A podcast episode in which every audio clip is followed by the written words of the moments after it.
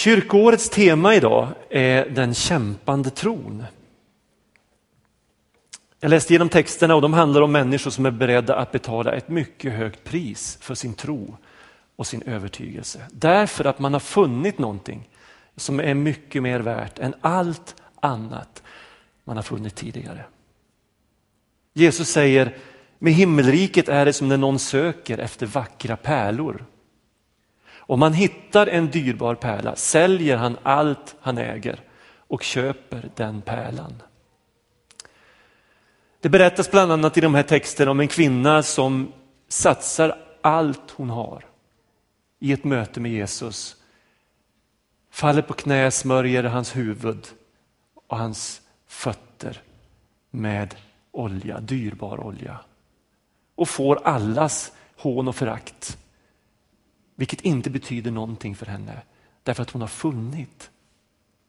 Vi möter eh, Mose som, det står om honom att han var beredd att, han ville hellre lida tillsammans med Guds folk än att för ett kort ögonblick njuta av det egyptiska hovets lyx och synd. Jesaja som i ett möte med Gud får sin livskallelse och hans liv får en fullständigt ny vändning.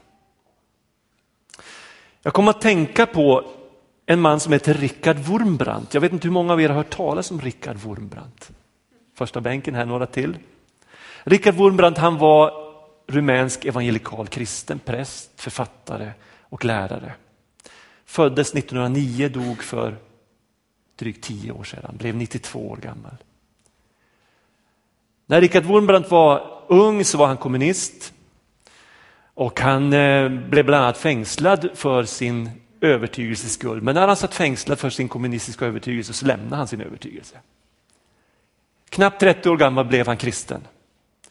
Startade en verksamhet för att stötta martyrer och lidande kristna och satt sammanlagt 14 år i fängelse, varav tre i total isolering. När han misshandlades, när han plågades på olika sätt och led fruktansvärda umbäranden. Varför nämner jag honom? Jo, därför att jag har ett citat av Richard Wurmbrandt. Han säger så här när han berättar om de här åren i fängelse där han fick utstå tortyr för sin tro. Ensam i min cell. Hungrig, frusen, klädd i trasor. Så dansade jag av glädje varje kväll. Ibland var jag så fylld av fröjd att det kändes som om jag skulle sprängas om jag inte fick uttryck för det jag kände. En glädje som är fullständigt oberoende av yttre omständigheter. Idag vill jag lyfta fram tre sanningar, tre fantastiska sanningar från Bibeln som handlar om oss. Jag vill bara be dig göra en kort analys. Vad säger Gud om dig? Vad tror du att Gud säger om dig? Gläds han över utvecklingen i ditt liv? Du ska inte vara rädd för Gud. Jag ber dig att välkomna Gud att lysa på ditt liv. Jag välkomnar dig att bli bottenärlig. Johannes skriver så här, om vi vandrar i ljuset, liksom Gud är i ljuset, då har vi gemenskap med varandra och blodet från Jesus, Guds son, renar från all synd. Så vi behöver aldrig vara rädda för ljuset, utan vandringen i ljuset öppnar vägen för ett nytt liv. Och nu ska jag lyfta fram tre fantastiska sanningar som visar vad du och jag är i Gud. Sanningar som det är livsviktigt att vi tar till oss och lever i om vi ska kunna vara frimodiga i, vår, i vårt uppdrag att hjälpa människor till livet med Jesus. För att illustrera den första sanningen så vill jag berätta vad en av mina vänner, han sitter faktiskt här i gudstjänsten, jag behöver inte säga vem det är, vad han berättade häromdagen. Han upplevde när han stod på sin arbetsplats att det plötsligt började rulla ett bibelord i hans huvud som han, som han själv minns aldrig har memorerat. Men det liksom rullar upp i hans tanke. Och det är bibelordet i första Johannes brev 3, vers 1-3. Se vilken kärlek Fadern har skänkt oss, att vi får kallas Guds barn vilket vi också är. Mina älskade, vi är nu Guds barn och vad vi ska bli är ännu inte uppenbarat. Men vi vet att när han uppenbaras så kommer vi att bli lika honom. För då får vi se honom sådan han är. Och var och en som har detta hopp till honom renar sig liksom han är ren. Där hade ni bibelordet. Den första sanningen det är att vi är Guds barn. Den här vissheten om att jag är Guds barn betyder så oerhört mycket för glädjen och för frimodigheten och ivern att tjäna Gud.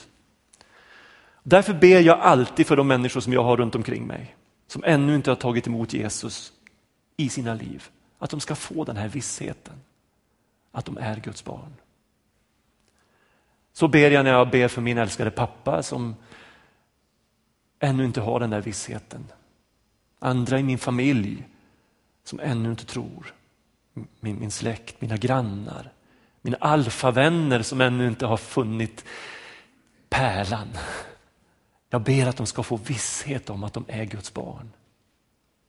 För det finns ingen mer fantastisk aha-upplevelse än att få den här vissheten. Så här står det i Johannes 1, åt alla som tog emot honom, alltså Jesus, gav han rätten att bli Guds barn. Åt alla som tror på hans namn och har blivit födda av Gud. Och så här skriver Paulus i Romarbrevet 8. Alla som leds av ande från Gud är Guds söner och döttrar. Ni har inte fått en ande som gör er till slavar så att ni måste leva i fruktan igen. Ni har fått en ande som ger er barnets rätt så att vi kan ropa Abba fader. Anden själv vittnar tillsammans med vår ande om att vi är Guds barn.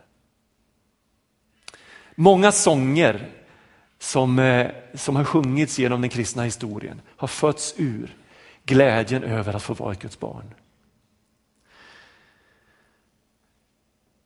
Vi kan aldrig bli mer än barn i Guds rike. Och Jesus säger till och med att om vi inte blir som barn så kan vi inte komma in i Guds rike. Så det här är en förutsättning att få den här, det här barnaskapets ande. Och Vi kan tänka på två sätt. Vi kan tänka barn i bemärkelsen små barn. Och alla vi som har eller haft små barn, vi vet att barn är så självklara i den här vilan i att vara älskad. De, är, de har en fullständig tillit att vi ska ta hand om dem och de ber utan att tveka om precis vad som helst. Och sån vill Gud att vi ska vara. Vi ska vila i att vi är älskade, vi ska ha en fullständig tillit till att han alltid tar hand om oss. Och vi kan faktiskt be om vad vi vill. Och han hör vår bön. Sen får vi inte allt vad vi ber om, men det får inte våra barn heller. Man kan också tänka sig barn i bemärkelsen stora barn, alltså vuxna, söner och döttrar. Jag tänker på den förlorade sonen som Jesus berättar en liknelse om. Han som lämnade sitt trygga hem, gav sig iväg ut i världen med sin förmögenhet, slösade bort alltihop. Satt en dag fattig, eländig, smutsig, hungrig, matade svinen och började längta hem. Och så började han formulera bönen, hur ska jag be när jag kommer hem för att jag ska få komma hem till min far? Ja, jag ber att jag får bli en tjänare på gården. Och så söker han sig hemåt och han inte vet är att fadern redan står där. Han har stått där varje dag, väntat på sin son. Och när sonen kommer så springer fadern honom till mötes och omfamnar honom, klär på honom sina finaste kläder, ordnar fest och han hinner inte ens be sin bön. Underbar bild på hur Gud tar emot oss. Lev i det barnaskapet varje dag. Nästa sanning är att vi är tempel åt den helige ande. Det där betyder den helige ande, DHA. Eh, så här skriver Paulus i första Korinthierbrevet 6. Vet ni inte att er kropp är ett tempel för den helige ande som ni har inom er och som ni har fått från Gud? Ni tillhör inte er själva. Gud har köpt er och priset är betalt. Ära då Gud med er kropp. fantastisk och stor sanning. Att vi är tempel åt Gud själv. Den sanningen har åtminstone två sidor. För det första, vi har resurser till vårt förfogande som gör att vi aldrig behöver förtvivla. Resurser som jag är övertygad om att Richard Wurmbrand hade upptäckt. Gud kan göra långt mer än vad vi kan begära eller tänka, står det i, på ett ställe i Bibeln. Samma ande som verkar i Jesus verkar i oss, säger också Bibeln. Han är din hjälpare, säger Jesus. Han är din gåvogivare. Och han vill locka fram det goda i ditt liv. Han vill vara din dagliga kraftkälla. Han vill leda dig in i de gärningar som Gud från början har bestämt. När den helige ande kommer över er ska ni få kraft, läste Helen precis här innan min predikan. En författare som heter Peter Halldorf har skrivit en bok som mycket handlar om den helige ande och han skriver så här. Apostlagärningarna berättar om den unga församlingens historia. Men ännu mer handlar den boken om den helige andes gärningar. Den kristna historien är otänkbar utan den helige ande. Varken apostlarna eller Lukas som skriver ägnar någon energi åt att försöka förklara andens verk. De förfogar inte över andens gåvor och de har inget behov av att kartlägga andens rörelser. Inte för ett ögonblick tror de sig kunna dirigera den helige ande. De har ingen teknik eller metod för att komma i kontakt med anden men de vet att de är helt utelämnade åt den helige ande. Deras liv är ett liv i tro. Deras gehör för andens deras gehör för anden är exakt. De litar på att de i rätt ögonblick ska få allt vad de behöver och när det ges så är det färskvara varje gång. I Guds rike finns bara ett tempus och det är presens. Och det ska man inte förstå som att anden drar sig tillbaks efter varje manifestation. Den helige ande som tagit sin boning hos dem framträder i ett givet nu och på ett sätt som ger återverkningar genom deras ord och deras handlingar. Jag vill uppmuntra dig att leva så att du är beroende av anden. För det är där det spännande kristna livet börjar. Att varje dag blir ett oskrivet äventyr. Där du kan få lyssna in den helige andes inspiration. Den andra sidan det är att vi inte tillhör oss själva utan vi tillhör Gud. Inte så att vi skulle vara slavar, det säger Paulus, vi är inte slavar. Utan vi har barnets rätt att säga pappa till vår Gud. Men han har köpt oss. Han har köpt oss fria. Och därför säger Paulus så här i Romarbrevet 12, 6 och 12. Låt inte längre synden bestämma över era kroppar och använda era kroppar som redskap för det onda, utan ge er själva helt åt Gud. Låt honom använda era kroppar som redskap för rättfärdigheten. Ett medvetet val att ställa mig själv till Guds förfogande. Vi ska inte vara rädda för Gud. Jesus seger på korset när han gav sitt liv för hela mänskligheten har öppnat vägen för alla människor fram till Guds tron. Och det finns ingenting som kan stänga den vägen. Utan varje dag kan vi frimodigt komma inför Gud. Bara genom att be och han tar emot oss. Så du behöver inte vara rädd för Gud, men vi ska ha respekt för Gud. Och vi ska se till att vi inte bedrövar den ande som Gud har lagt ner i våra liv. Bibeln kallar det här för gudsfruktan. Var alltså inte slarvig med din gudsrelation. Jag hittade en, en text som jag, eh, jag tror att jag har läst det här inom predikan förr, men jag tycker det är väldigt bra. En man i bil följs i hasorna av en kvinna som har väldigt bråttom. När han kommer till en korsning och det slår om till gult så bromsar han. Kvinnan bakom honom blir ursinnig. Hon tutar på honom och skriker ut sin frustration på ett allt annat än otydligt sätt. Hon gapar och hon gestikulerar. När hon håller på som bäst så knackar det på rutan. Hon tittar upp och får se en polis. Han ber henne stiga ur bilen, tar henne till polisstationen där hon blir kroppsvisiterad och får lämna fingeravtryck och placeras i en cell. Efter några timmar så får hon gå och polisen som grep henne lämnar tillbaka hennes personliga tillhörigheter och säger, jag beklagar verkligen misstaget frun. Jag stannade bakom er bil när ni höll på att tuta och göra fula gester och säga fula ord. Jag såg bildekalen med vad skulle Jesus ha gjort och registreringsskylten med välj livet. Skylten med följ med mig till söndagsskolan i fönstret och fisksymboler på bakluckan och jag tog förstås för givet att ni hade stulit bilen.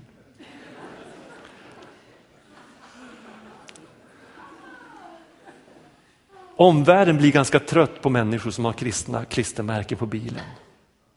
Kristna fisksymboler på bakluckan, kristna böcker i bokhyllan, kristna kanaler på radion, kristna smycken runt halsen, kristna filmer till barnen, kristna tidskrifter på soffbordet.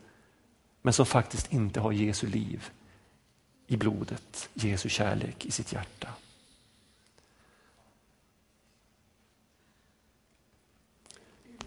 Ibland behöver vi be den här bönen och jag ber den ofta. Skapa i mig Gud ett rent hjärta. Ge mig ett nytt och stadigt sinne.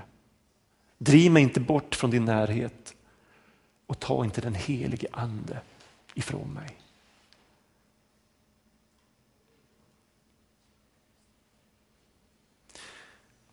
En tredje sanning. Vi har Guds rike inom oss. Så här säger Jesus i Lukas 17. Tillfrågad av fariséerna om när Guds rike skulle komma svarade han, Guds rike kommer inte på ett sådant sätt att man kan se det med sina ögon. Nej, Guds rike är inom er. Och Det här var Jesu huvudbudskap när han började sin predikan. Nästan det första han säger till människor som kommer för att lyssna det är Guds rike är nära. Och sen börjar han utföra det här rikets gärningar genom andens kraft. Och det står att människor som hörde honom och såg honom ryckte Guds rike till sig. Därför att det var den där vackra pärlan som man hade letat efter. Allt annat tappade sitt värde och man gjorde allt för att få tag på den pärlan. När han sen lärde lärjungarna att be så sa han, så ska ni be, låt ditt rike komma. Låt din vilja ske. Som ett Guds barn, fylld av den helige ande, bär du Guds rike inom dig, vart du än går. Församlingen är ju ett uttryck för Guds rike. Men Guds rike är mycket större än så. Du är inte i första hand församlingens representant. När du står på din arbetsplats, när du umgås med dina grannar. Utan du är Guds rikes representant. Var du än befinner dig, vad du än gör så representerar du riket. En ofattbar förmån men också ett stort ansvar. Vad innebär det att ha Guds rike inom sig? Ja, det innebär att få ett helt annat fokus än vad andra människor har som inte är Guds barn, som inte har Guds ande inom sig och som inte tillhör Guds rike. Bara för att illustrera det här så skulle jag vilja att, att du tänker dig att du har en massa post-it-lappar. På några står det evigt, på andra står det tillfälligt. Det här redskapet skriver John Ortberg om i en bok som heter När spelet är slut ska allt tillbaks i lådan.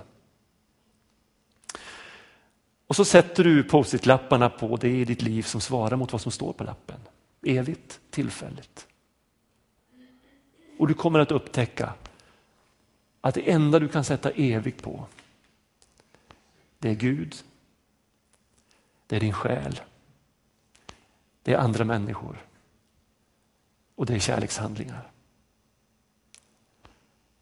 Dina ägodelar, ditt CV, din kropp, dina nöjen, vad andra tycker, din trygghet, titlar, ungdom, inflytande och hälsa och mycket, mycket annat måste du sätta tillfället på. För det är sånt som inte består. En dag kommer alla våra pensionssparanden och banksaldon att vara fullständigt ovidkommande. Titlarna i våra CV kommer inte att imponera på någon enda människa. Universitetspoängen kommer att vara glömda och ingen kommer att veta eller vara intresserad av vilka kläder du hade i garderoben. Vilken bil du hade i garaget eller vilken båt du hade i hamnen. Gymkortet, tvn, Macbooken. Allt kommer att vara borta. Det enda som kommer att betyda något, det är Gud, en bevarad själ, vad vi har gjort i kärlek för våra medmänniskor. Det enda som betyder något. Om du och jag ska äga saker så är det ändå viktigt att vi har rätt prioritering. För du bär Guds rike inom dig. Och du är Guds rikes representant på den här jorden. Gud vill att vi ska leva liv som gör att vi kan se tillbaks på våra liv och bara känna glädje och tacksamhet. Sök först Guds rike så kommer allt det andra att tillfalla er. Då kommer allt i rätt ordning. Det innebär att du har en stor och livslång kallelse att dagligen be om att arbeta för att riket ska utbredas. I din familj, i ditt grannskap och din arbetsplats. Och kom då ihåg att Guds rike är inte ord, utan Guds rike är kraft. Som ett Guds barn så är du tempel åt den helige ande. Du har alla resurserna till ditt förfogande. Och du bär riket inom dig. Och söker du Gud och lever du med honom så kommer riket och anden och barnaskapet att lysa genom ditt liv. Och den kraften kommer att få andra att vilja rycka det riket till sig. Det är min absoluta övertygelse. Ska vi be? Jesus Kristus, tack för allt det underbara, fantastiska du har gett oss genom tron på dig. Du vet hur blinda vi blir och hur lätt vi tror att meningen finns någon annanstans. Tillfredsställelsen, den djupa, finns någon annanstans. Den här världens Gud har förblindat våra förstånd. Så att vi ofta inte ser ljuset som strålar från ditt ansikte. Så att vi inte ser löftena. Så att vi går långa, långa omvägar för att försöka hitta pärlan fastän den ligger framför oss. Öppna våra ögon Gud den här förmiddagen. Så att vi ser och tar emot allt det du har gett oss. Tack att du vill att alla som sitter i kyrkan här, alla som lyssnar på den här gudstjänsten ska bli barn åt dig. Tack att du vill att ingen ska gå från den här gudstjänsten med en ovisshet om man är ett Guds barn. Tack att våra kroppar, oavsett om de är unga eller gamla, friska eller sjuka, svaga eller starka, kan bli tempel åt den helige ande. Tack att du vill bo i lerkärl. Du vill bo i svaga, bräckliga människor. För att kraften ska visa sig komma från dig och inte från någon människa. Och tack att ditt rike med allt vad det innebär bor i oss. Med syftet att människor ska bli befriade, upprättade, få sin syn tillbaks, bli helade. Tack att du är här i avslutningen av vår gudstjänst för att röra vid oss, för att beröra oss med din kärlek. Amen.